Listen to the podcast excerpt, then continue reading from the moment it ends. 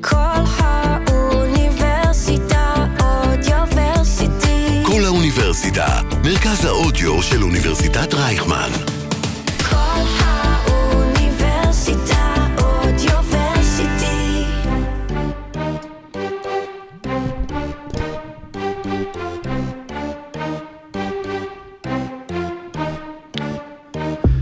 חוקי הנשק אה, בארצות הברית ממשיכים להתפורר, דיווחים על צלפים שיורים ללא הכרה בקליפורניה, בוויסקונסון, באוהיו וכמובן כמו תמיד גם בטקסס, מתקבלים כמעט בכל יום. אז אילו חוקים יכולים לעצור אותם, והאם בכלל אנחנו רוצים לעצור אותם? מה קרה פתאום שהאצבע כל כך קלה על ההדק? ומי הקלה שהכי עושה לקבוצות הדק. אה, פרק 123 של עושים אין יוצא לדרך, אז אה, בספירה שלי, 1, 2, 3, יצאנו לדרך, וגם יש לנו כמה חדשות מעניינות. סורוקה, קח את זה מכאן. אחרי הטיקי טיקי. כי אחרת יש לאנשים טיקים טיקים. טיקי, טיקי. יואו, יואו.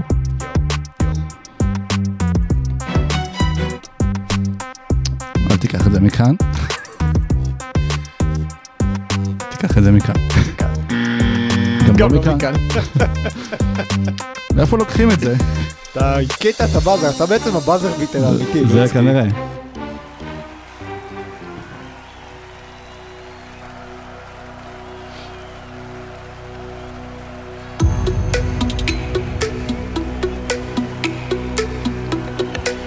Ladies and gentlemen, welcome to OSIM NBA. Here are your starting five. הרבה אנשים כולאים הרבה נקודות, למה עכשיו ומה זה אומר? האם בשבועיים האחרונים קיבלנו גם את הקידום לגמר המזרח וגם את הקידום לסדרת הגמר כולה? ומה זה אומר? המזרחיות המקופחות, מיאמי, טורונטו, אטלנטה, לאן זה הולך? אם בכלל. ומה זה אומר? מרטין לותר קינג day, בעוד שבועיים יש לנו חדשות מעניינות בנושא. וגם אורח היחיד שיכול לשנות את סוף המחזה, וזהו זה. ולא אחרת. יפה מאוד. ומה זה אומר? זה מזכיר את השאלות ב- בתנ"ך. שאלות, אז, אה, זה מי אמר למי ומה מה הייתה הסיבה. וזה וזה בצייר ציור מתאים, גם תמיד היו מוסיפים לנו. מה קורה סורוקה? מה נשמע? זה סדר לוץ, מה העניינים? בסדר גמור, בסדר גמור. אה, תשמע, אה, כל אה, יום הפנטה של- הפנטזי של הליגה, אבל הפנטזי מתפוצץ מכמות נקודות, שכאילו אומרים, וואי, איזה משחק, איזה, איך סידר לך את השבוע, ואז בא מישהו מנגד ומסדר לו את השבוע, ואנחנו נדבר על זה, אבל קודם כל יש לנו אורח מאוד חשוב להציג בפרק, שמתארח אצלנו לראשונה. בהופעת בכורה, אה, הבאנו כאן כבר סלטיקס, אה, אוהדי סלטיקס בעבר, אבל הפעם יש לנו את המגיש של הסלטיקס פוד. אה, ינון בר שירה, בפעם הראשונה בעושים NBA, מה העניינים? בסדר גמור, מה שלומכם? בסדר גמור, ברוך הבא. ברוכים הנמצאים, איזה כיף. אה, אז אה, גם אה, סלטיקס פוד, גם ספר כדורסל מהעתיד שנדבר עליו בהרחבה בהמשך, ובקצרה עוד, מה מה עוד?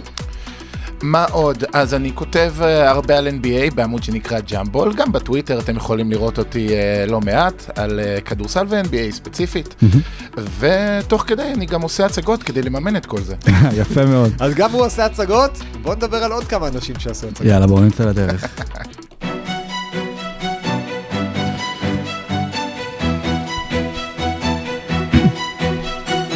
רבע ראשון, אז uh, היה לנו חלום, we had a dream, ועדיין היה לנו חלום של לעשות מפגש עם כל המאזינים שלנו, לפחות uh, לא עם כולם, כי זה יצטרך להיות uh, סמי עופר, כאילו, בלי לחשוף יותר נתונים, אבל לפחות uh, להתחיל מפגשים עם מאזינים, וזה באמת uh, קורה, וזה קורה במרטין לותר קינג day, שמאפשר לנו לעשות את זה, וגם לצפות במשחקים בגלל השעות המוקדמות, והדבר הזה קורה, אנחנו שמחים לבשר לכם ב-16 ב-16 בינואר. ב-16 בינואר, ב... אה, פאב הנסיך בנחלת בנימין בתל אביב. אה, לצערנו, אפשר אה, יהיה להכניס רק עד 130 אנשים, אז ביחד עם הפרק הזה אנחנו גם נפרסם לכם לינק להרשמה אה, לאירוע, כניסה חינם, תבואו ותהנו, אנחנו ניפגש שם אה, החל מהשעה שמונה, תוכלו ל- לשבת, אה, לאכול בינתיים, לצפות, אה, מה יש ברקע שם? בוסטון שרלוט, אני בוסטון חושב. שרלוט, אני חושב, לצפות בפלמלי, שאני בטוח שזו הסיבה שכולם יבואו, גם אתה. באיזה יד הוא יזרוק, זה בדיוק, כן, מהעונשין. אה, וקצת אה, לתוך המשחק אנחנו נעלה פה הצוות של עושים לשיחות אה, איתכם, ואיזשהו סוג של אה, מיני פרק בלייב, ואחר כך נזכה לצפות ביחד באחד מהמשחקים. אנחנו גם ניתן לכם אולי את האופציה לבחירה, כי יש גם דני נגד גולדן סטייט, בתקווה שסטף יחזור. סטף אמור לחזור אולי כבר בסוף שבוע הזה. אז יכול להיות שזה מה שייבחר, אבל אני אתן לכם את האופציה אולי לבחור ביחד, אולי נצביע במקום, אנחנו אוהבים בחירות ב- ועושים את ביחד, אנחנו מאוד שמחים שזה קורה. שוב, לינק אה, יתפרסם אה, ברשתות שלנו, ותירשמו ותבואו, ונשמח סוף סוף לפגוש אתכם. ועכשיו נצא לדרך. נכון. אה, אז אה, היה לנו אה, השבוע, היה, כשכתבנו את ה lineup בפעם הראשונה, זה היה אחרי ה-60 של לוקה, אבל לפני ה-71 של מיטשל, ואחרי ה-71 של מיטשל בא 55 של יאניס, והנה קצת מספרים. זה לא כאילו זוכר מה- 60 נקודות, 54, 71, לך תזכור. זה אפילו לא המספרים הזוכים בלוטו, כי בלוטו הם לא מגיעים למספרים האלה. אבל uh, היו לנו באמת כאילו מספרים מטורפים, ויש לנו כבר 14 תצוגות של uh, 50 נקודות ומעלה העונה. השיא אגב זה 34 תצוגות בעונה אחת, אבל אז היה פחות פיזור, היו 30 לוויל צ'מברלין ו-4 לאלג'ין ביילו. והשנה אנחנו עם 89 הצגות של 33, של, של 40 נקודות ומעלה, שבאות... וזה, אני אניח את זה כאן ונפתח את הדיון, באות מלא פחות מ-33 שחקנים שונים. אז בואו נתחיל בשאלה, קודם כל, למה? למה? למה? למה? טוב, האמת שיש לזה כמה סיבות. אני חושב שהסיבה הראשונה שבעיניי הכי פחות מדברים עליה, זה זה שקריירות היום הרבה יותר ארוכות מפעם. ולמה אני חושב שזה חשוב? Uh, בעצם, פעם קריירות היו 9-10 שנים ונגמר, ומאחר ומדע הספורט התקדם, נוצר מצב שעדיין יש לך את דור הסופרסטארים של דורנט, mm-hmm. של סטף, של uh, לברון, ועדיין יש לך את הדור שעכשיו, עכשיו, עכשיו נכנס לפריים שלו, של יוקיץ', של יאניס, ויש לך uh, הרבה מאוד שחקנים שהגיעו לפריים מאוד מוקדם, כמו לוקה, כמו טייטום, כמו uh, דווין ג'ה, בוקר. דווין בוקר. זאת אומרת, אז נוצר מצב שבמקום דור אחד של כוכבים גדולים, יש לך מבחר עצום. דור עצום, חמש. עצום. כן. וזה גם בקצב של דור חמש כן. הם קולים, כן. ו- וכמובן, ועוד משהו שמתחבר לזה עוד יותר, זה שאם פעם הפול של הכישרונות בא ממדינה אחת פחות או יותר, אז עכשיו זה בא מעולם שלם. נכון. וגם, אני זוכר ציטוט של לוקה, ששומר על זה שיותר קל לקלוע אה, אחרי שהוא בא מאירופה מול ההגנות אה, של ה-NBA, אני אבל גם לא יודע כאילו כמה זה נכון עכשיו, כי כן אה, יש הגנות טובות מאוד ב-NBA, ופשוט הרמה של השחקנים ורמת הביצוע שלהם, בטח שזה בא ביחד עם רמת האימונים וההשקעה שלהם, ויכול להיות שגם סטף, שכולם אה, בסוף נכנסים לליגה, וזה כבר מתחילים לראות את ההשפעה שלו בתור קלעים, מתחילה לבוא לידי ביטוי. אה, כן, הוא דיבר על ה pool של הכישרונות, אז אה, אם מדברים על ה pool, אז, אז ליד סטף יש את ג'ורדן פול ואת קליי תומפסון, שלושה שחקנים רק בקו האחורי של גולדן סטייט, קלעו השנה 40 נקודות ומעלה במשחק, שלושה שחקנים רק בקו האחורי של קליבלנד, קלעו 40 נקודות למעלה במשחק אחד העונה. למעשה זה מגיע למצב שאם אתה עושה שתי נבחרות אולסטאר ועוד נבחרת אול NBA, נניח חמישית, עדיין לא מספיק כדי להכניס את כל השחקנים שכלו השנה 40 נקודות במשחק אחד. אני אוסיף לך על זה ששני השחקנים הכי מבוגרים בליגה שכלו מעל 50 נקודות העונה זה סטף בן 34 וקליי בן 32 והם באים, הספלאש בראדרס עדיין יורים. נכון, אז אתה מסתכל על זה באמת, הכמות כישרון בליגה היא עצומה, אה, וכל זה הולך ומשתפר, ועדיין זה לא לבד מסביר את הקפיצה הזאת בנקודות, אנחנו בדרך להכי הרבה נקודות במשחק לקבוצה מאז 1970, אנחנו בדרך לאחוז השדה הכי גבוה במשחק, ב- ל- לעונה לכל הליגה, מאז 1993, שמה שקרה אחרי 93 זה שהקפיצה, אה, הזריקות לשלוש הגיעו כמעט לעשר לקבוצה במשחק. היום עשר לקבוצה למשחק, זה, זה אתה יכול לעשות ברבע כן. בדרך כלל, ו- וזה אומר ש... קליי לא בעיניי- פושט את האימונית לפני שהוא זורק 10 שלשות. בדיוק, כן. בעיניי או זה כמו קודם לארי כל... ברד שלא פושט בכלל בתי האימונית לפני שהוא זורק שלשות. כן. בעיניי זה קודם כל אומר שהגענו למצב, ואגב, שוב, זה לא שאחוזי השלשות עלו בטירוף, זה לדעתי אנחנו במצב שבו הכליאה היא המצרך הכי נפוץ בליגה. אבל גם אם אחוזי השלשות לא עלו, אחוזי השלשות נשארו בערך אותו דבר, אבל ההבדל הוא שפעם, אם זה היה 35-36, ומי שזרקו היה רק קלעי שלשות, עכשיו זה כולל זה שיונאס ולנצ'יונאס יכול לזרוק לך לשלוש, כן. ודרישה מ-90% מהסנטרים, פחות או יותר, זה, אתם חייבים לעשות five out, אתם חייבים, אם אתם פנויים תזרקו, ועדיין, אם אז אחוז הקליעה כביכול נשאר אותו דבר, זה אומר שהקליעה השתפרה בטירוף. וזה לא. מה שמתחבר למה שגרג פופוביץ' אמר בבוקר ליואב מודעי, שפופוביץ' באמת כשהוא התחיל לאמן, אז היו לו תאומי מגדל טים דנקן ודייוויד רובינסון שלא ממש היו זורקים שלשות, ויותר מזה גם השחקנים שלו בעמדה שלוש לא בדרך כלל היו לא זורקים יותר מדי שלשות. ו- ופופוביץ' באמת בתור בן אדם שחווה את זה, אין מתאים ממנו להגיד שהיום הרבה יותר קשה לעשות הגנה, בדיוק בגלל מה שציינתם. אתה מסתכל על דונובין מיטשל ואתה מסתכל possession אחרי possession, התקפה אחרי התקפה, אי אפשר להביא עליו double team. כי אתה חייב להשאיר או מישהו חופשי על קשת השלוש שקולע לשלוש טוב, או לרדת מג'ארט אלן שעומד מתחת לסל וייקח את הריבאונד התקפה אם מיטשל יחטיא. אז היום באמת, בטח בקבוצות שמשחקות five out, בטח בקבוצות שיש להן הרבה אופציות קליעה טובות, פשוט כמעט בלתי אפשרי לשמור עליהן. פופוביץ' אה, נראה לי תמיד כמו הדלאי למה הזה כבר, כאילו כזה שעבר הכל, ראה הכל ובאים אליו עם שאלות, תספר לנו אה, מה היה פה פעם, תספר לנו זה, ונראה לי אבל שספציפית גם התקופה הזו של הקלעי באמת מה שמפרידה וגם נותנת ליותר אנשים את ההבנה בדיונים של להשוות בין שנים ועשורים, זה כאילו ממש כבר יוצר את הפער, כי להסתכל על כמויות נקודות שקולים פעם לעומת, שוב, יכולות הקליעה ששחקנים מביאים לידי ביטוי במגרש, זה אי אפשר להשוות. כן, זה גם קליעה מחצי מרחק וגם קליעה וזה, ואגב, רק אגיד פופוביץ' הוא נהיה כזה דווקאי, אז אפשר לקרוא לו אולי הדלאי ככה, לא הדלאי למה. אה, אבל... אני אה, רוצה לשאול אותך שאלה, אתה יכול רק שתי שאלות. אה, כן. אז אה, פופ באמת חווה את זה. היום הגנה זה סיוט וזה לא רק שלשות, זה שחקנים כמו סטף וכמו לילארד וכמו טריי שמהווים איום. ו- ודונצ'יץ' לאחרונה, ולברון לאחרונה, שחקנים שמהווים איום ברגע שהם עוברים את החצי, איפה אתה מתחיל את ההגנה עליהם? כן. אתה מתחיל את ההגנה עליהם, והם גם מהירים יותר ואתלטים יותר, אז אם תשים עליהם double team, אז הם ימסרו למישהו שיחתוך לסל. אז, אז באמת, הכמות נקודות הולכת ועולה. אה, גם נראה לי שבניגוד ל... אפילו לא כזה רחוק, לדונובן, אה, סליחה, לדווין בוקר שקלט את ה-70 נקודות שלו, כולם אמרו שנתנו לו וזה היה משחק גמור וקצת זלזלו בזה, אז עכשיו שהוא- ששחקן קולע הרבה נקודות, זה, הוא עושה את זה בצורה שמשפיעה לטובה על המשחק ומ- ומנצח את המשחק. ואפילו בבוסטון, כלומר, בתור דוגמה אפשר לקחת, אומנם אין שחקן אחד שקולע אה, 60 נקודות, אבל יש שני שחקנים שקולעים כמעט כל אחד 30 נקודות למשחק.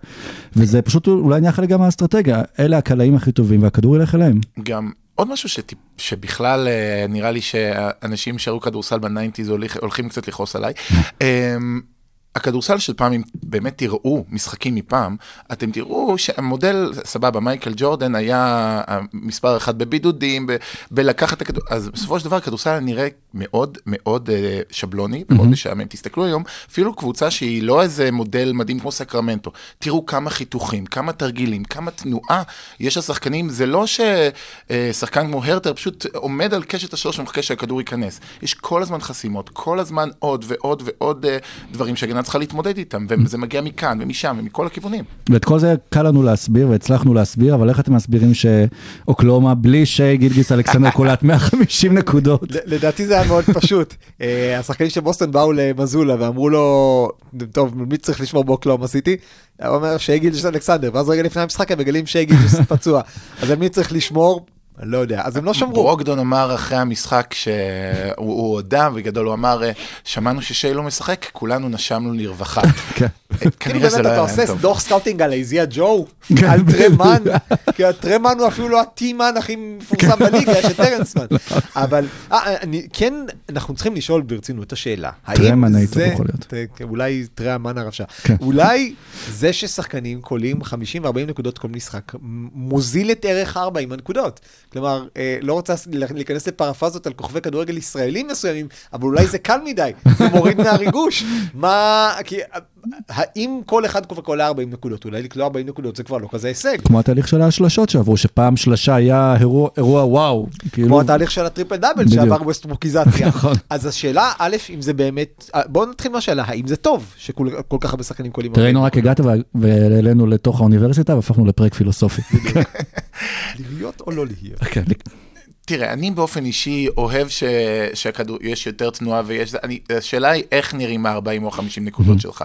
אם זה בא, ראיתי אה, משחקים של סטף קולה 40 ו-50 נקודות, וכל הזמן זה בא כחלק מתנועה, on the ball, off the ball, אה, אז זה נראה מאוד מאוד יפה. ו... ומשחק שהוא יותר אה, ריכוזי, אה, היליוצנטרי, אה, אז, אה, אז אה, אז זה משהו שיכול להיראות לעיתים מאוד מאוד יעיל אולי, אבל גם מאוד משעמם ולא בטוח שעובד בפלייאוף. זאת אומרת, שחקן אחד שמכדרר את הכדור, 20 שניות, עושה מה שהוא עושה, הרדן סטייל, או לפעמים טריאנגל, לפעמים לוקה, וזה לא נראה מאוד מאוד יפה לעין. אז זה מה שנקרא, לא כל ה-40 וה-50 נקודות נבראו שוות. ולגבי דרגת הקושי, זה תלוי, כי, ומה, וויל צ'מברלין פעם שהסתובב והיה מול הסל והניח שוב ושוב ושוב את אותו כדור, זה היה יותר קשה? לא יודע, זה כן. שונה פשוט. נכון. תראה, בוא, בוא, עוד איזה נתון מעניין, אה, יש בין היתר במעקב שאני עושה, אני מסתכל כמה קבוצות, כמה פעמים קבוצות הגיעו ל-120 פלוס נקודות, שתי הקבוצות באותו משחק. אז השנה יש כבר 79 משחקים כאלה. הלכתי אחורה, בעונת 2019-2020 הגענו ל-79 משחקים ב-25 בפברואר. בעונה שעברה הגענו לזה ב-23 למרס. עכשיו אנחנו בתחילת ינואר. אז המספרים האלה באמת עולים. אני, אני חושב שזה כן קצת מוזיל, זה כן קצת מעלה לנו את סף ה... מ- מקהה את החושים שלנו לזה שפתאום ארבעה, חמישה שחקנים קולים כל לילה 40-50 נקודות, וזה לא, לא יודע, שוב, זה, זה כיף, זה נחמד, זה מספרים פסיכיים, אבל זה לא, זה, בטווח הארוך, הליגה לא רוצה להיראות כמו קרקס, כמו שאמר פופוביץ', בטח לא צריך להוסיף עכשיו קו 4 ו-5. והשאלה, רבותיי, איך עוצרים את זה?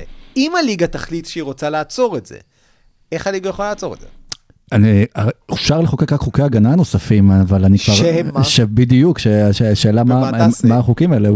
כמו שהליגה הפכה, האמת אולי זה שהליגה עברה לשמירה אזורית, שוב זה קצת מה שפתח את אופציות לכלייה, אולי צריך לחזור את הליגה רק אה, לשמירה אישית או למצוא משהו ביניהם.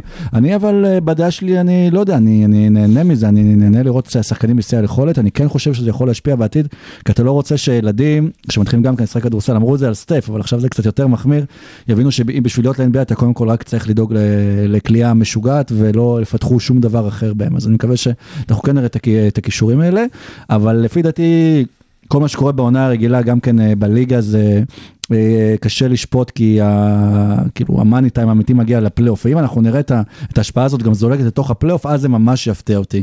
כי שם אתה כבר לומד את הקבוצות היריבות, אתה נגד אותה קבוצה חמישה, שישה, שבעה, ארבעה, שישה, שבעה משחקים, אה, ואז אתה גם יכול לעשות את ההתאמות. פה, כמו שסורוקה אמר עכשיו על, על אוקלאומה, פתאום מודיעים לך ששלו הגיע למשחק, לך תעשה עכשיו scouting על, על הקבוצה הזו. אם זה יגיע לשם, אז אה, זה כבר, אני באמת אולי אגדיר את זה בתור איזשהו טרנד, לעומת מה שקורה במהלך העונה הרגילה. אבל אם גם שחקנים יצליחו להביא את היכולת הזו לתוך הפלייאוף, אז זה כבר באמת יהיו super heroes משוגעים. כן, אני חושב שאפשר לעצור את זה, זאת אומרת, בכל מיני דרכים, גם NBA, יש תמיד את הדגשים ששופטים אה, עושים בכל שנה, ואז הם חודש, חודשיים מקפידים, ואז הם שוכחים מזה. נגיד, היה השנה שעברה, הייתה תקופה מאוד ארוכה, שממש אה, הקפידו על לא לתת פאולים, על, אה, על כל הפאולי בולשיט. כן. כאילו, כל הדברים האלה שארדן והרדן וטריאנג, הם נתקעו, וגם נוצר מצב, זה גם הוריד לתקופה מסוימת, ואז אחרי חודש, חודשיים, שופטים קצת שכחו מזה, ועברו הלאה ושרקו אותו דבר. ובסוף זה נהיה, אז אם רוצים, אז אפשר, זאת אומרת, זה, זה בוודאות, אם אה, לא יהיה את אותה אפשרות, את האיום הזה של הפאול, זה יהיה להגנות עוד כלים להתמודד, וככה זה גם קורה בפלייאוף, וגם בפלייאוף הנקודות יורדות. אפשר לעשות את זה. אני זוכר שבזמנו ראיתי... אה, בפודקאסט אה, של בן טיילור דיברו אה, על אה, זה שאירח מישהו מהליגה, והוא דיבר על זה שהרבה אנשים מתלוננים ושעשו סקרי עומק לראות מתי אנשים עוזבים את המרקע ומתי לא. אז דווקא ככל שיש יותר התקפה ויותר אנשים רוצים להישאר ולראות, וכ- וזאת אומרת, אז סבבה, אתם אוהבים להתלונן על זה, אבל בפועל אתם אוהבים לראות את ההתקפה, כאילו, את ההתקפה ואת התצוגות ואת הדברים האלה, זה מה שגורם לאנשים פיזית לפתוח את המרקע ולהישאר. כן, אולי זה איזשהו, גם איזשהו תהליך אה, שתמיד יעשה back and forth, עכשיו אה, הקבוצות והשחקנים שיפרו את הביצועים שלהם בנקודות, כי ההגנות נהיו יותר אה, קשות, ועכשיו כל המאמנים אז מבינים שיש הרבה נקודות, אז התחילו להתאים, לעשות הגנות חזקות, אולי נראה הגנות עוד יותר מרשימות ועוד יותר חכמות, ואז שעוד פעם יחזרו לקהלים, ואז עוד פעם ינסו למצוא דרכים אה, חדשות ומתוחכמות יותר אה, לקלוע, ופשוט זה תהיה כמו מטוטלת כזו שרצה בין הגנה להתקפה. דיברנו על... אה, אני מסכים איתך, אבל כרגע מה שמעניין זה שאנחנו כאילו, בפרספציה שלנו, הליגה כן אכפת לה יותר מווינגים ומביגמן. ועדיין אתה מסתכל בסוף על 33 שחקנים שכלו עד עכשיו 40 נקודות, אם היית צריך לחלק אותם לפי קו אחורי, קו קדמי, 21 מהם הם שחקני קו אחורי. לא. לגארדים הרבה יותר קל היום כנראה לעשות את הנקודות, גם בגלל החוקים האלה, גם בגלל שהגארדים בדרך כלל הרבה פעמים רצים קדימה, ועשו את ה take foul עכשיו, שנועד לקצור מתפרצות, אה, לקצור את השחקנים שקוצרים מתפרצות בעודם באיבם בעבירות של עצלנות, כן. וגם זה לדעתי הוסיף עוד איזה נקודה שתיים לכל קבוצה לפחות במשחק. וה, והדבר הזה הוא גם uh, משמעותי. ואני כן גם מעודד מזה ששלוש הקבוצות האחרונות שלקחו אליפות, הלייקרס אה, 2020, מילווקי 2021 וגולדן סטייט 2022, היו קבוצות הגנה מצוינות. כלומר, בסוף הגנה עדיין עושה את זה, וגם בוסטון שהגיעה לגמר הייתה קבוצת הגנה פנטסטית. אה, תכף נדבר על ההגנה של בוסטון עכשיו. אז, אז עדיין בסוף הגנה מביאה ניצחונות בפלייאוף, אבל בעונה רגילה גם התקפה מביאה ניצחונות. אני זורק עוד משהו קטן לאוויר. איפה אנחנו רואים את השחקני ה-NBA בסוף מתקשים? בטורנירים בינלאומיים. Mm. מה יש בטורנירים בינלאומיים שאין ב-NBA? מותר להעמיד שחקן בצבע. כן. ליותר משלוש שניות, גם בלי לשמור. Defensive 3 seconds. אני תוהה, אם ה-NBA תרצה בסופו של דבר לה- להוריד את כמות הנקודות, האם אנחנו נראה אה, תמותה של ה-Defensive 3 Seconds, וכן ייתנו לשחקנים, אגב, רודי גובר לדעתי רק מחכה לזה, הדבר הזה יחזיר אותו לחיים.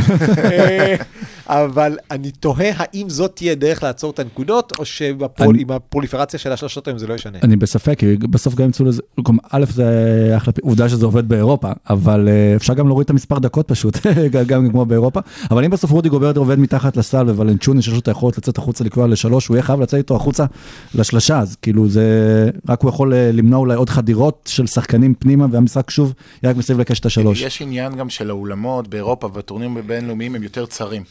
ואז יש לך מצב שגם פיזית זה צפוף, החבר'ה האלה ענקיים.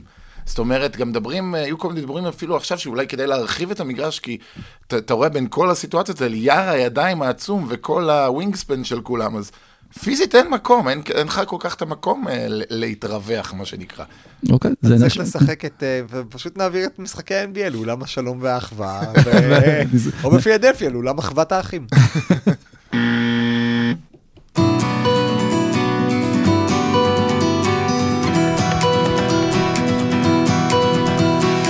רבע שני. אז אה, הספר של ינון שחוזה את הכדורסל מהעתיד, אם אתם גם מסתכלים ביוטיוב, אתם יכולים לראות את זה במצלמה של סורוקה, במצלמה שלי. אה, חוזה את עונה של 26-27, אבל אנחנו ראינו כבר אולי איזושהי תחזית אה, בעונת אה, 22-23 לגמר המזרח וגם לגמר ה-NBA. ובואו נתחיל לדבר קודם דווקא על, נתחיל מהמזרח, נעשה את זה בסדר הנכון. סלטיקס נגד מילווקי, מעניין. ראינו את זה בגמר, ראינו את זה בחג המולד, זה היה אמור להיות באמת אה, משחק אה, גדול וצמוד, ואולי הכי מסקרן של הערב הזה, ואולי היה כל כך מסקרן, כן, כי בוסטון פשוט knocked the bejesus out of the box בחצי זו הייתה התקווה. היחידה של ה-NBA מהסקייג'ואל שלהם. אה, כן, בסוף אגב פיניקס דנבר נהיה משחק כן, זהו, בדיוק, כן. אבל אה, בוסטון במשחק הזה באמת נראו מדהים, וזה היה אחרי חודש שבו הם פשוט לא מסוגלים לזרוק אפונה לאוקיינוס, ויש להם אוקיינוס ליד הבית, אז זה קשה. אז, אז באמת, במיל... שם אני חושב שבעיקר ראינו שעדיין מילווקי, ומילווקי עדיין לא הגיע שנה להרכב מלא ליותר משלושה ארבעה משחקים, בלי מידלטון היא עדיין לא יכולה לתת פייט לבוסטון. מה עוד למדנו, אה, אה, ינון? אני חושב שהבעיות של מילווקי הם, זה גם מעבר לזה, זאת אומרת, אה, יש עניין, הקבוצה הולכת ומזדקנת, ויש שם מעט מאוד פתרונות, וגם יאניס, רוב השנה הזאת, אה, הוא, הוא זורק המון המון המון זריקות אה, רחוקות ומטופשות, אה, יש לו המון משחקים שאתה רואה אותו פתאום, אה, אתה לא מתכוון גם לעונשין, כן? גם, 15 ו-16. כן, האמת, כן. היה, כן, כמובן שזה גם היה. עליי בפנטזי, אבל סבבה. אה, שזה הסוד להצליח. כן. כן, וגם אני חושב שיש איזה אמ, אבן נייר ומספריים כזה של אה, נגיד אה, בוסטון, גולדן סטייט, מילווקי, שבוסטון לאורך שנים די הסתדרה עם מילווקי, זאת אומרת, הם, הם מבינים, גם כשהם בתקופות שהם נראו פחות טוב, יש להם יחסית הרבה כלים לעצור את יאניס, יש להם הרבה מאוד מגינים ש... קשה, קשה ליאניס אה, להתמודד איתם. גרנט וויליאמס אמנם הוא, הוא נמוך ו, וקטן, אבל הוא נגיד, ב, כשהם מדדו אותו בדראפט, הוא השחקן שהם מצאו אותו כהכי אה, חזק, בקטע שקשה להזיז אותו. הוא עומד, זה קיר. אה, וזה, וזה בדיוק הקושי של יאניס. כן, מאוד מוצק. כן.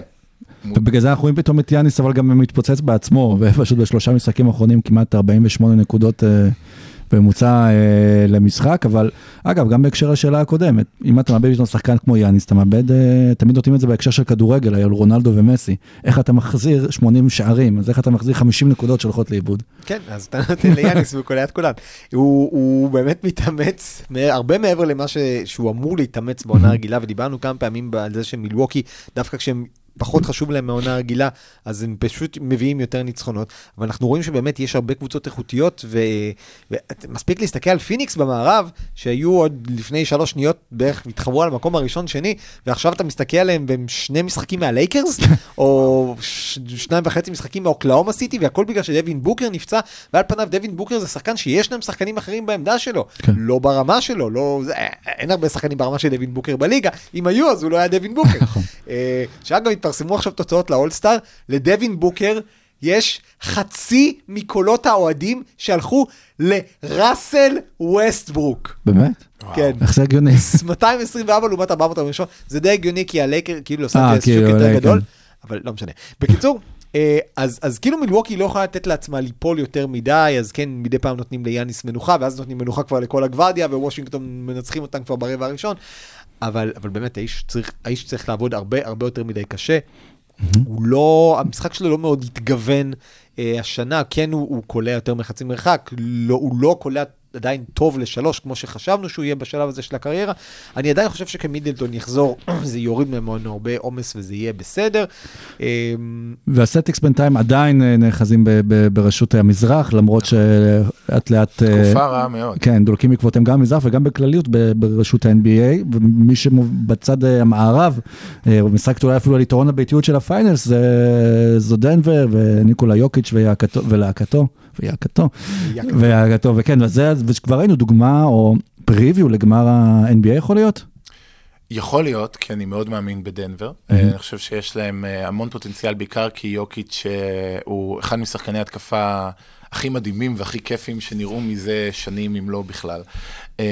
מה שראינו ספציפית במשחק מול דנבר, בניגוד למה שהיה כש- כשבוסטון ניצחו אותם בבוסטון, אני חושב שזה זה ספציפית היה המשחק שבו אה, אני, אני הרגשתי איתו בסדר כאוהד, כי כן. אתה פשוט ראית, הכל נכנס להם, הכל. זה, זה, זה משחק של כל השלשות, כל דבר, אה, אה, ו... ועם יוקיץ' אתה צריך לעשות בחירה. או שאתה מנסה, טוב, אה, לעשות עליו דאבל טים ולבנות עליו כמוסר, וזו בחירה גרועה מאוד, או שאתה מנסה אה, לשמור עליו אחד ולהגיד לו, בוא תקלע עלינו תהיה סקור, וזו בחירה גרועה מאוד.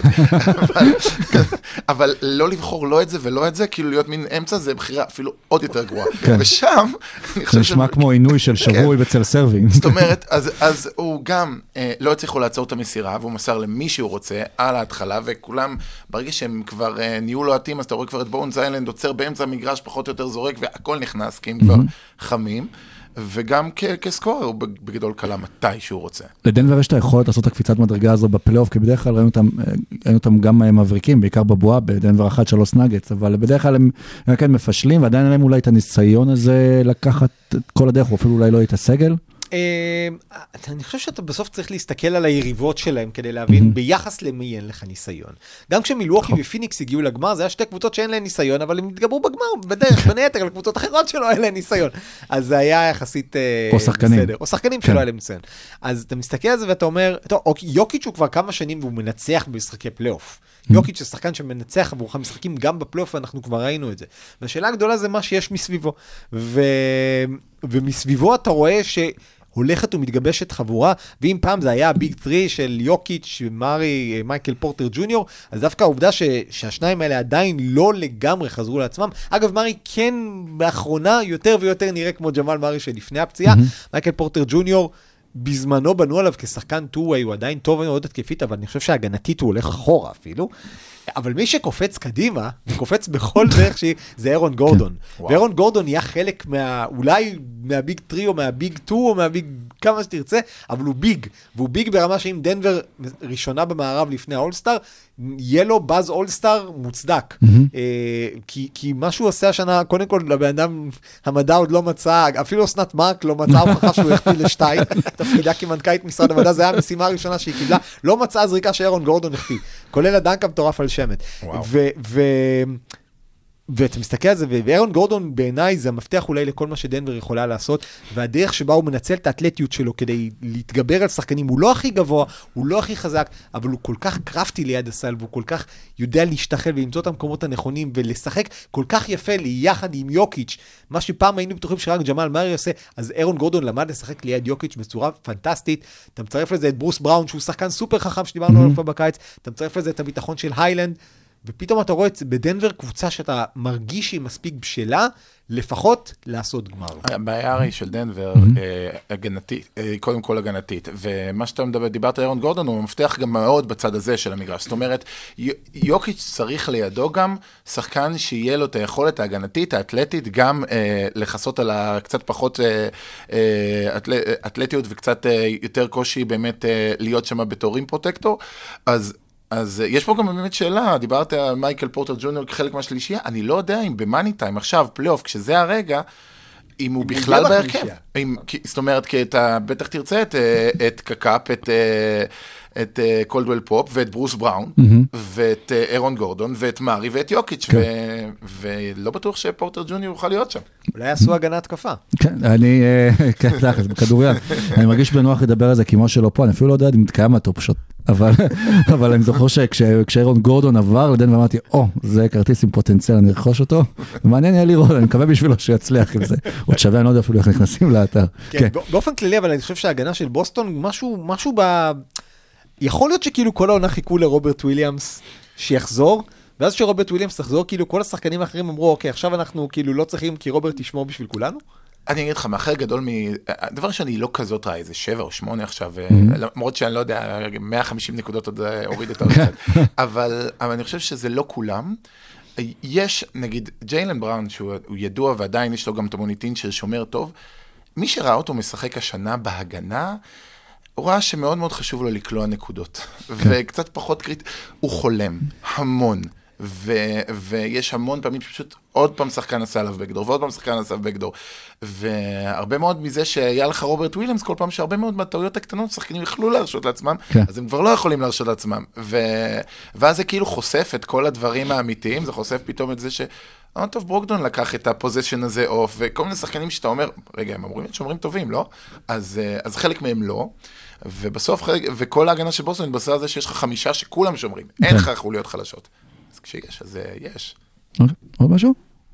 אתם מוכנים לוויסקי? נתון ורבע. הנתונים שיעשו לכם שכל. אה, אולי. לא היה פרק שבוע שעבר, אז דילגנו על כל השיאים של לוקה, אבל מאז כבר נשברו אה, שיאים חדשים, אז זה בסדר.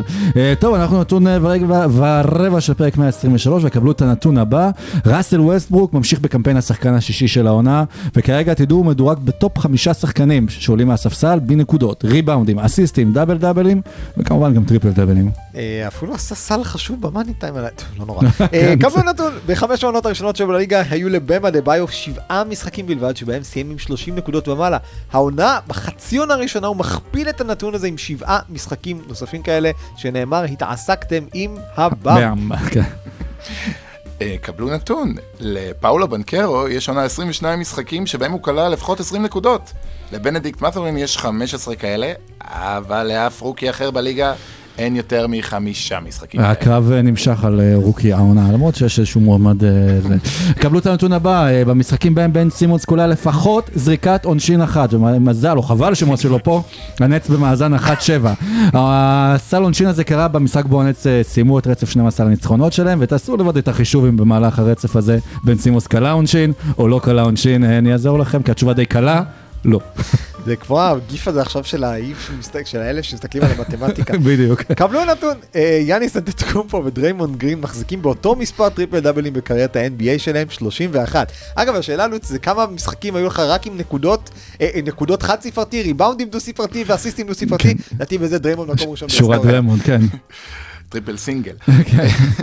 קבלו נתון, יש רק שני שחקנים העונה בליגה שלקחו יותר מ-300 ריבאונדים ומסרו יותר מ-300 אסיסטים, ושמם בישראל, וגם באירופה ובעצם בעולם, לוקה דונצ'יץ' וניקולה יוקיץ'. יאללה, תתאחדו כבר. אה, קבלו נתון, אה, כשחקן חמישייה, קריסטיאן ווד קולע כמעט 20 נקודות למשחק, קולט מעל 8 ריבאונדים, חוסם אה, שתיים וחצי חסימות למשחק, וכל זאת ב-53% מהשדה ו-40% לשלוש, והמאבס גם במאזן 7-1 במשחקים האלה, אז אולי כדאי לוותר על המרוץ השחקן השישי, ויאללה, בוא תעזור ללוקה בחמישייה. ותיתנו לווסטברוק את השחקן השישי. כן. אז קבלו נתון, שחקן הקלאץ' של העונה, אולי תנסו את קבוצת הקלאץ' של העונה. בשלושת המשחקים האחרונים של הווריורס לשנת 2022, הם החזיקו ברגעי הקלאץ' את היריבות על 15 אחוז מהשדה ו-18.8 אחוז לשלוש. כל זה לא תקף לפני מה שסדיק ביי עשה להם הלילה. כן. קבלו נתון, אה, לקליי תומפסון יש עשרה משחקים בקריירה עם לפחות תשע שלשות. השחקנים היחידים שיש להם נתון זה או טוב מזה, סטף קרי כמובן, ודמיאן לילארד. אחלה קליי, ויקבלו את הנתון הבא, בשלושת המשחקים האחרונים שלו, יאניס אנטטקומפו עומד על הממוצע הבא. תקשיבו טוב, 47.7 נקודות למשחק, מעל 17 ריבאונדים ו-6.3 אסיסטים, freak! freak. F-E-R-A-K. קבלו נתון, בשנה הקלנדרית של 2022, לוקה דונצ'יץ' הוא השחקן שקלע הכי הרבה נקודות בכל משחקי הליגה פלוס פלייאוף, 2,946 כאלה. 87 נקודות מאחוריו ניצב ג'ייסון טייטום, אבל הוא שיחק שמונה משחקים יותר מלוקה. שלישי, ג'ואל אמביד. קבלו נתון. האחוז הניצחונות של פיניקס סאנס העונה עם דווין בוקר 62 אחוז, לא רע. אה, אבל ללא דווין בוקר 22. זה קצת מסביר למה הם במאזן 7-1 ב-8. כן, 1-7 כמובן, בשמונת המשחקים שלהם. דווין, תחזור, מחכים לך בפיניקס, ואנחנו נחכה לכם ברבע השלישי.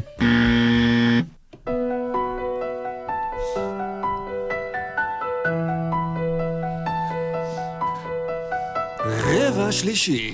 ברבע השלישי אנחנו הולכים אה, חזרה לכיוון אה, המזרח, והנה קבוצות שדווקא הלכו אחורה מאז, אה, מאז התקופה הזו, של מיאמי, טורונטו ואטלנטה.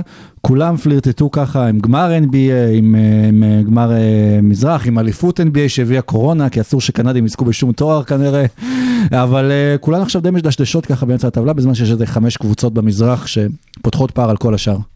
נתחיל עם מיאמי? אה, נתחיל עם מיאמי. כן. שהפסידו הבוקר ללייקרס בלי לברון ודייוויס, לדעתי צריך להוריד על זה ליגה. אה, כאילו, מילא זה שנתנו לווסטברוק לעשות סל במאני טיים, כאילו באמת הפסידו לקבוצה שדניס שרודר היה top scorer שלה. אה, מיאמי, ג'ימי באטלר שנה בערך משחק שני משחקים ואחד נח. אה, טיילר הירו נראה טוב מאוד לאחרונה, קייל לאורי פתח את העונה טוב ובזמן האחרון הוא נראה כאילו הוא עבר מגיל 36 לגיל 63. אה, אדה-ביו, דיברנו על זה, באמת קלה, נהיה שחקן טוב יותר התקפית, אבל זה נראה שמשהו אולי מהקסם שם קצת פג?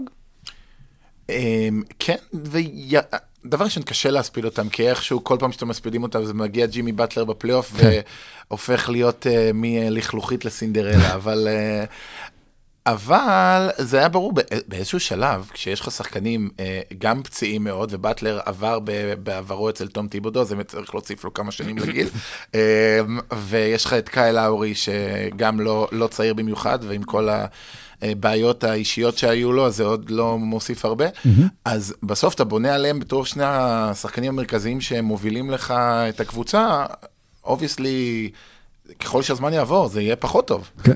זה, מרגיש לי, כלומר, אני לוקח את זה גם לשתי הקבוצות האחרות שאנחנו נדבר עליהן, על אטלנטה וטורונטו, שבקבוצות הבאמת מצליחות יש לך את הסופרסטאר הברור, הוודאי, במיאמי אולי אפשר להגיד שזה ג'ימי, אבל ככל שנהיים עוד ויותר סופרסטארים בליגה, ג'ימי קצת מרגיש שהוא לא ב-level שלהם.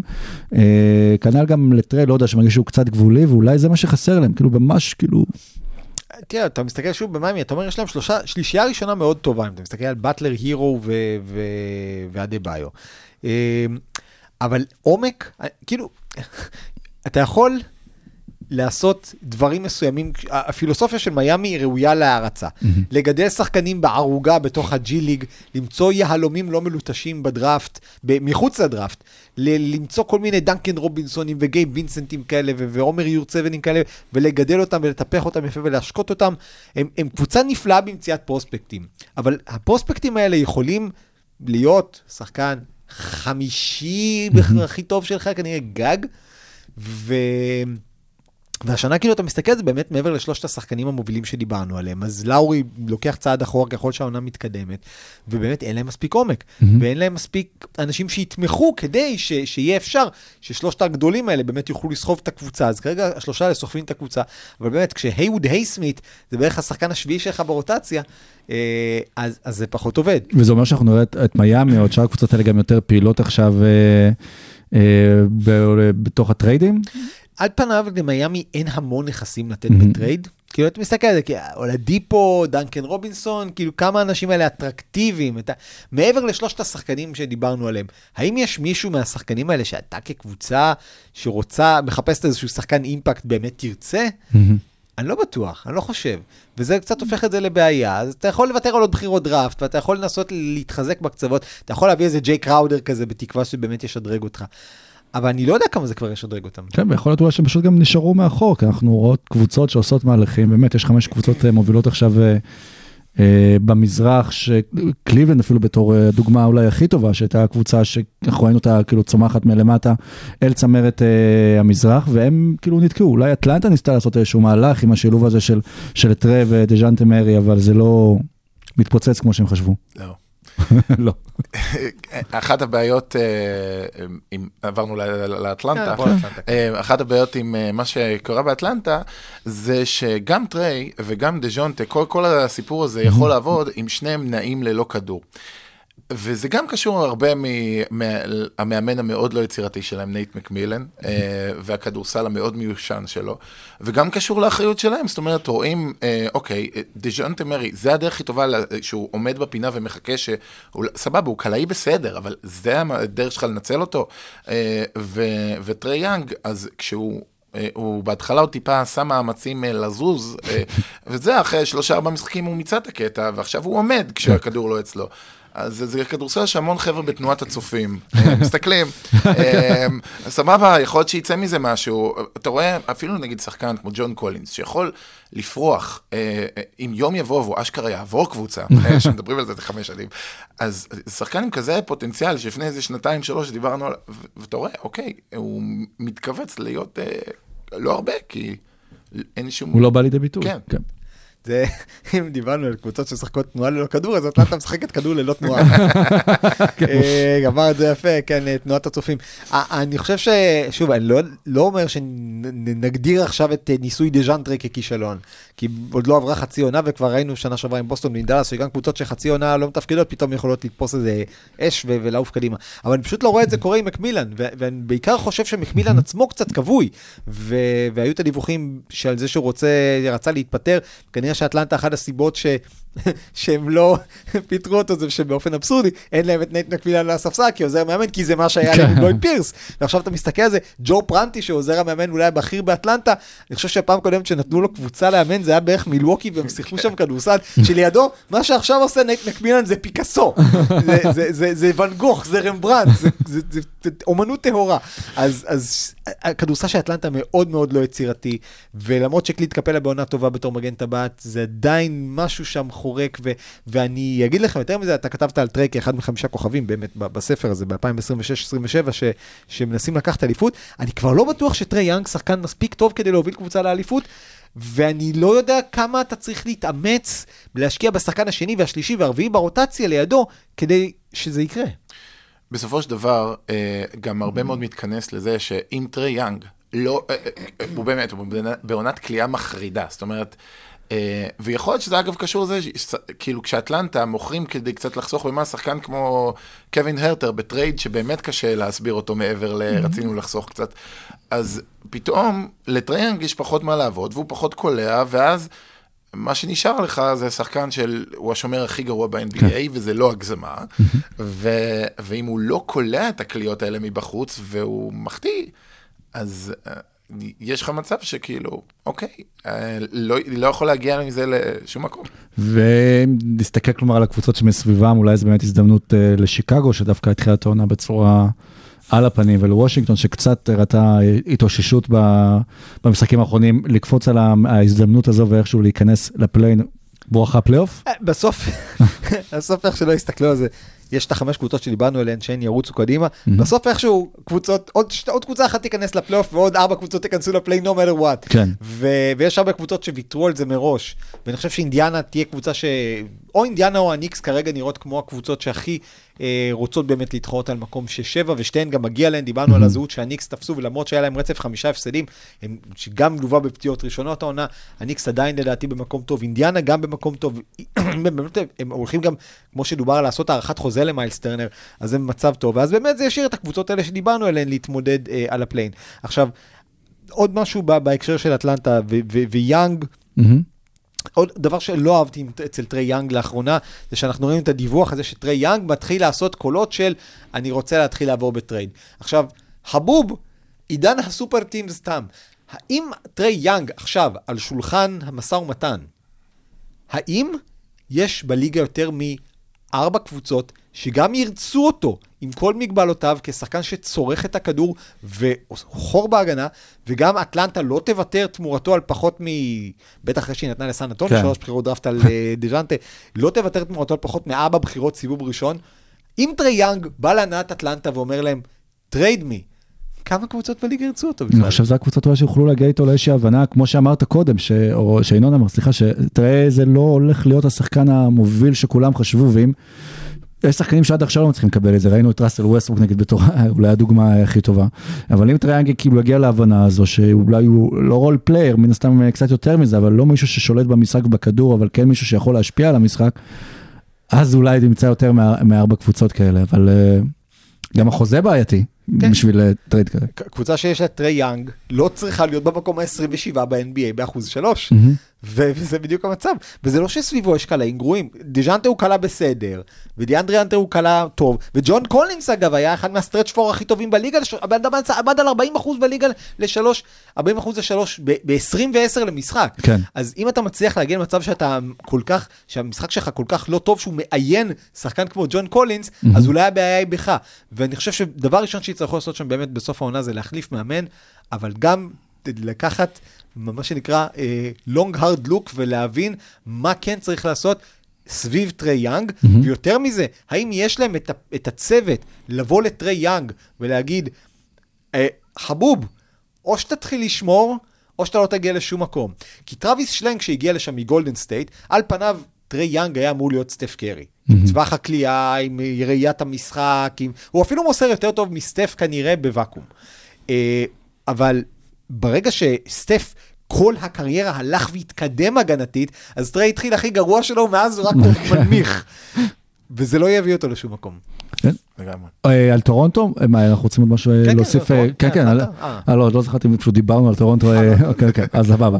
אה, טורונטו גם כן הייתה נראית אה, קבוצה, קבוצה משופעת כוכבים, פסקל סיאקם בעונה אה, משוגעת, פרד ון וליט אה, סוקובן אה, שלנו, אה, קצת אה, פציעה עיכבה אותו, אבל הנה אתמול בלילה גם ראינו אותו כבר אה, חוזר אה, לעניינים, או ג'י אנונובי בתהליך של טורונטו שכל שנה שחקן אחר פורץ, גם כן אה, בעונה קצת, אה, עונת סוג של עונת אה, פריצה מבחינתו, למרות שהוא כבר בליגה כמה שנים, ועדיין כל זה אה, לא מתחבר בדרך שבה מסאי יוג'ירי רגיל שדברים מתחברים. אני חושב שהדבר הכי חשוב זה שלא אמרת את, ה, את סקוטי בארנס פה. ואני חושב שבסופו של דבר מסע יוג'ירי, אם היו אומרים לו, תשמע, נהיה מקום עשירי, אבל סקוטי בארנס נתן עונה שנייה מדהימה, הוא בדרך להיות סופרסטאר, הוא היה חותם על זה עכשיו. בסוף העתיד של טורונטו מתחיל ונגמר, אה, אה, אם זוכרים, אשכרה, אוהדי טורונטו ואנשים מטורונטו אמרו, בחיים לא נעביר את סקוטי בארנס תמורת אה, קווין דורנט. היום אתה מסתכל ואתה אומר, כן? כאילו, עכשיו, זה בעיניי הבעיה הכי גדולה, זה שהוא לא התקדם, עכשיו הוא נתן כמה משחקים טובים לאחרונה, ואם מסתכלים על העונה בכלל, זה לא נראה שיש איזושהי התקדמות משמעותית. זה לא נראה, אגב, הגנתית, למרות שהוא גם לא שומר טוב. אמ, כל, כל פעם שאני רואה אותו, אני רואה שחקן עובר אותו די בקלות. אמ, זה מתחבר להגנה הרעה של טורונטו לא מעט. ובסוף, אם סקוטי בארנס לא יהיה כאילו מועמד לחמישיות ההגנה וסופרסטאר, מה שרצינו שבן סימונס יהיה והוא לא, אז, אה, אז טורונטו לא יגיעו לשום מקום. ואולי טורונטו צריכה סופרסטאר, פשוט כמו שהיה את קוואי, סופרסטאר שמסביבו יש כל כך הרבה כישרון, כדי שיוכל לקחת אותו, מישהו לסמוך עליו ברגעים האחרונים, מישהו שיוכל לקחת אחריות. היה להם קווין דורנט. כן, בדיוק. הסכימו לתת את סקוטי בארנס, קווין דורנט. תראה, טורונטו, אה, באופן כללי, אגב, אתם זוכרים שפעם ניק נרס היה המאמן הכי לוהט בליגה, עם פתאום עושה box and one באמצע המשחקים, והעוזר שלו, קריס פינץ', נחשב למאמן התקפי הכי טוב בליגה, והיום לא קריס פינץ', לא ניק נרס, נהנים יותר מדי. אה, אז אה, דברים משתנים מהר. אה, אגב, עתיד. אז אז באמת, אתה מסתכל על טורונטו, ובאמת טורונטו הלכה על פילוסופיה מעניינת, שאנחנו הולכים על אה, ארבעה שחקני, ארבעה, לפעמים חמישה שחקני 6-7, 6-9, מה שאמרתי בזמנו הכי גרוע בפורטל הזה, שצריך למצוא שחקנים, כן. שאתה מגלה שיש לך בטורונטו שחקן 6-7 עד 6-9, ואז- אז, אה, ואז אתה לא יודע מי, כי אתה יכול לגמור את כל העשרה ניחושים שם. אז בטורונטו, הפילוסופיה הזאת היא מגניבה, היא הפכה אותם לקבוצה עם הכי הרבה חטיפות בליגה, אבל גם הפכה אותם לקבוצת ריבאונד ההגנה הכי גרועה בליגה. כי אתה מסתכל על זה, ונכון, יש להם את קולוקו, אבל לבנות באמת על בחירת שחקן סיבוב שני שהתחיל לשחק כדורסל לפני חמש שנים בתור הסנטר הפותח שלך, זה אומר שמשהו בפילוסופיה שלך לא עובד. ו- והם מגיעים למצב ש- שסיאקם... לוקח על עצמו המון המון אחריות בהתקפה, ו... אבל גם בקבוצת האליפות שלהם, פסקל סיאקם היה השחקן השני, אולי השלישי הכי טוב. ופרד ון וליט, בעיניי זאת הבעיה הכי גדולה של טורונטו. דיברנו על טרי יאנג, אבל פרד ון וליט, כמו שזה נראה, הוא צריך לעשות עוד ילד ועכשיו. כן, בדיוק. כי זה מה שהציל אותו בפעם הקודמת ואת הרפטורס. הבן אדם קולע השנה ב-32% לשלוש, ההגנה שלו לקחה צעד אחורה, הוא בסך הכל בן 28, 27 בערך, חמור מאוד יותר, יותר מטורונטו, הוא גומר לי את הקבוצה בפרק. כן, זה- צריך בכלל נורא. מצוות פרו ורבו ניצחונות. כן. אז הוא, כן, אז הוא לא פורה ולא רבה, והוא הוא רב עם הטבעת, כי הוא כן. פשוט מכה אותה בהחטאות, וההליכה האחורה של, של ון וליט היא, היא דבר שמאוד מאוד פוגע בטורונטו, והוא הולך לסיים חוזה. ו- ופרד ון וליט אנחנו כבר רואים, גם בטורונטו בקבוצת האליפות הוא היה X factor, והיובי בראון נתן לו את קולו למצטיין בסדרת הגמר, אבל הוא כנראה לא יכול להיות הגארד הכי טוב בקבוצה שרוצה ל- ל- לשאוף רחוק, בקבוצה שרוצה להיות top 4. ו- ואנחנו מגיעים למצב שבו אני הולכת ומתגברת הסבירות בעיניי שפרד ון וליט יהיה בקבוצה אחרת, עוד בתום ה trade deadline, ואני תוהה, ואני תוהה, משה לא כאן, האם פרד ון וליט בתור אופציה מספר 2 בקו האחורי בדאלאס, זה משהו שיכול לעזור הן ללוקה והן לפרדי. כלומר, ואז מה הטרייד בעצם? נגיד דין ווידי ומניח הולך ל... יגידו להם דיל וויד איט. וברטנס ייקחו גם. וטרן זה כזה אז זה בקופה, משכורת. כן. ואז אתה לקחת את האשכרה השחקן היחיד שהוא לא, 6-7, 6-9 לא בטורונטו, זה נורא מגניב והכל, אבל כאילו כל התיאוריה זה, השחקנים האלה שהם גם יודעים למסור, לזרוק ולקלוע, אז הם גם לא ממש יודעים את הקטע של למסור וגם לא את הקטע של לקלוע, ואז זה כאילו, אוקיי, אז הם פשוט גדולים, סבבה. כן, כן. אבל הוא כן יודע לשמור, שזה נכון. יכול אה, מאוד אה, לעזור לדאלאס. נכון. טוב, נכון. אה, כן. כן. אני אומר, אולי הוא ימצא את עצמו מחדש במקום אחר, כי כרגע בטורונטו זה לא עובד וזה מוריד את כל הקבוצה ביגון שאולה, בן אדם השנה בקאצ' שוט 33, 34. 4%, וזה לא טוב.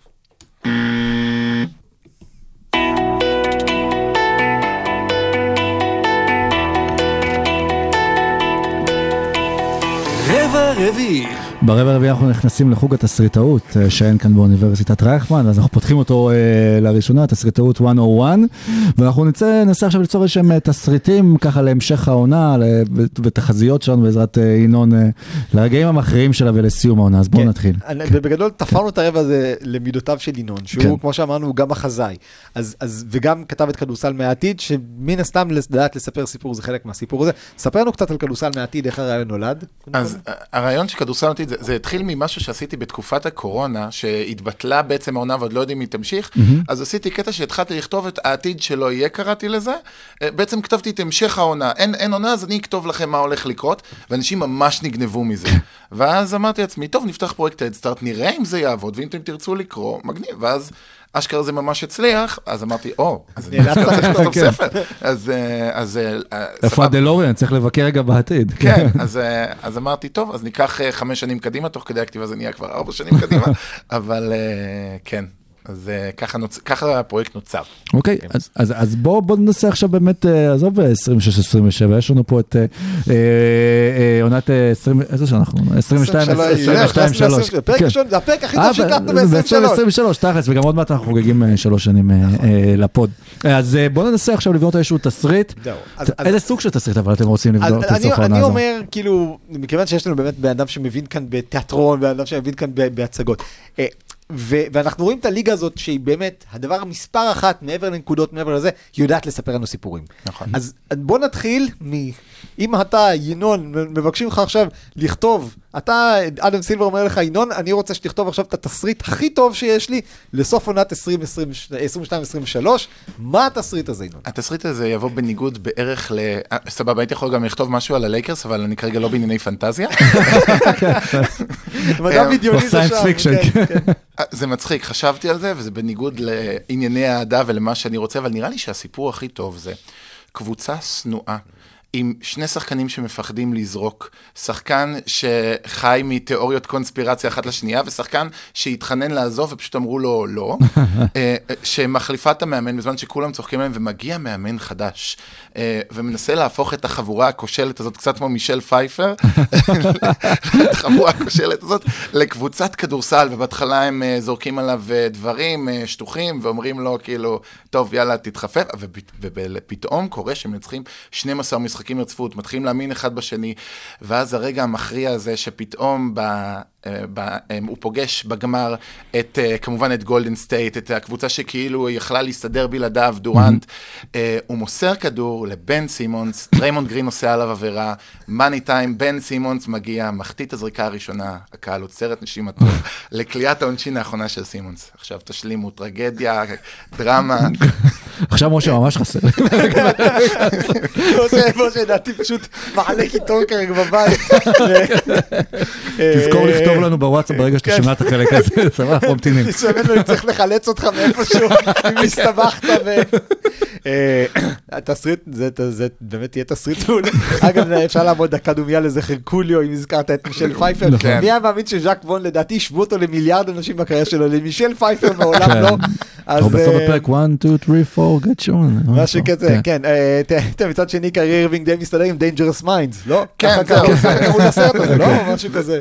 רוחות מסוכנים. כן. אה, זה באמת אה, דבר כזה, דיברת באמת גם על גולדן סטייט וגם על אה, הלייקרס, ואני כן רוצה לקחת אותך לעולמות הפנטזיה. אה, אנחנו מסתכלים באמת על לברון. חסרות לו איזה 480 משהו נקודות כדי לעבור את כרים, בתקווה זה יקרה, וכרגע הוא חולה. אה, אגב, חשבתי לעשות לברון ג'יימס חלה, ואז לבקש מדל אי לעשות חלה בצורה של לברון ג'יימס. אה, אבל לברון בסופו של דבר, אה, הפרק האחרון בקריירה שלו אתה יכול- כנראה עדיין לא לעשות, נחתם. סליחה, לארי ברד. כן, תמשיך. זה, כן, לחמני ים ממך. אה, קיצור, מה, אה, עכשיו אומרים לך, אה, לברון זוכר אותך כביוגרף שלו ואומר לו, מה צריך להיות הפרק האחרון אה, של הקריירה שלי? הפרק האחרון, השחקן כבר הוכיח הכל ולא צריך להוכיח כלום. הוא חוזר לעיר, לעיר שממנה הוא התחיל הכל, לקליבלנד, חסר להם שלוש, שמעתי.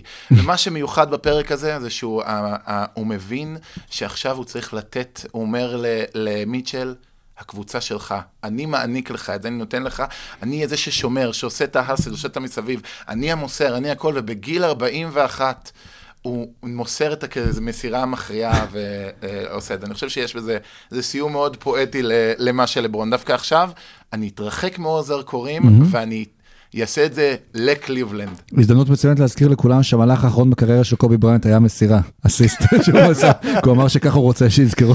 כן, בהחלט, בסוף זכרו אותו. אה, לא אולי כמו שהוא רצה, זה היה המהלך האחרון אחר, אבל אה, פשוט אנחנו, יש לנו מכסה של אה, הומור שחור, של. כמו שלא כאן, אז היינו צריכים סמס להשלים לנו אותו. שוב ברגע שאתה מגיע.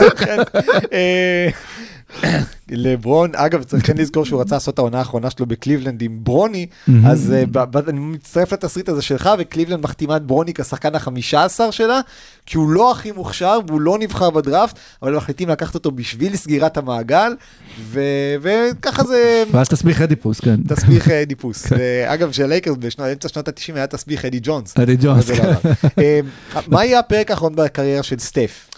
והאם הוא יהיה יותר טוב ממה שכבר נכתב בשנה שעברה? תראה, סט, סטף אשכרה יכול להיות בסיטואציה, אם הוא לוקח עוד אליפות אחת, או אז ידברו עליו, עכשיו מדברים עליו כבר איזה top 10, זאת אומרת, אם סטף קרי יצליח להוביל אה, את הדור הבא של גולדן סטייט ולעשות עוד אליפות אחת מספיק לו, או שתיים, אני חושב שזה ייתן לו איזושהי נקודת, אה, נקודה מדהימה לקריירה ש... תסגור את הכל. זאת אומרת, על, על סיפור של סטף שנה שעברה קשה להתעלות, על גולדן סטייט שהייתה בקרשים, שפוגש, שמגיעה עד הגמר, אחרי שסטף היה פצוע, זאת אומרת, הסיפור, זה היה...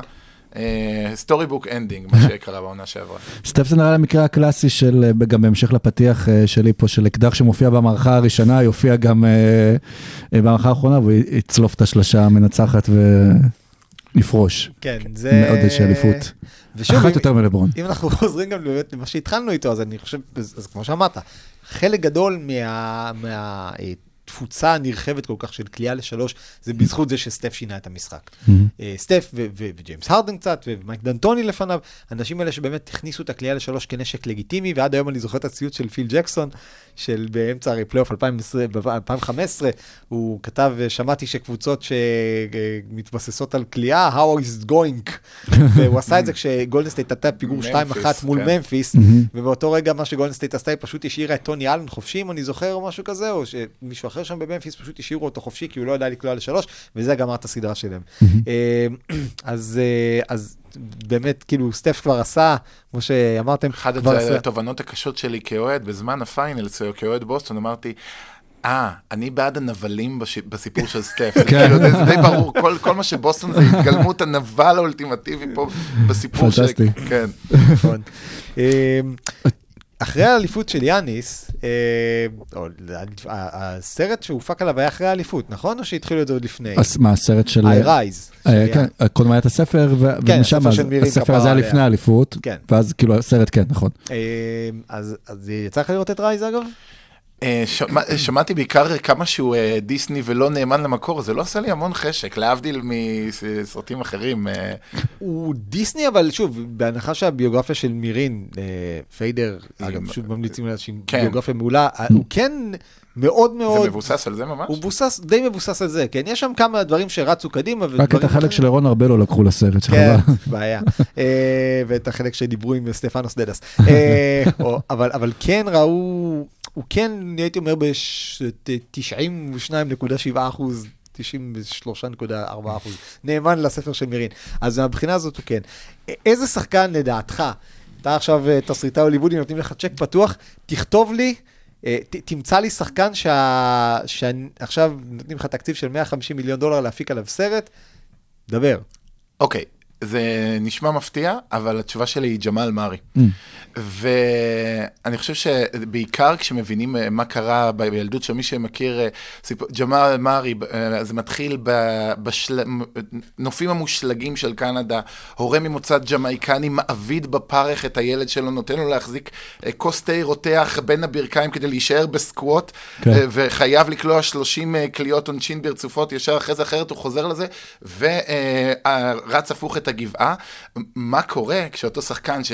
הופך להיות uh, מנהק מטורף של כדורסל, שכל החיים uh, רק חינכו אותו, ואנשי דנבר אמרו לו, תעבוד, תעבוד, מה קורה ברגע שבו הוא נפצע? Mm. וההתאוששות הזאת, אם ההתאוששות הזאת תוביל בסופו של דבר לאליפות ולרגע הזה שהוא מבין איך uh, לעמוד בזה, אני חושב שיכול להיות פה סיפור ממש ממש מעניין של הבסקטבול ג'אנקי הזה, שפתאום יהיה צריך להתמודד, נורא מעניין. באמת אה, מפתיע מאוד ג'מאל מארי, זה ממש מגניב. הוא בטח יושב בבית עכשיו, ראה את גם את אה, דונובל מיט שקלע 71 נקודות, ואומר, אה, איך אני לא נגדו, גם קולע עכשיו 70 נקודות, אולי זה מה שיעיר אותו. אולי, אולי.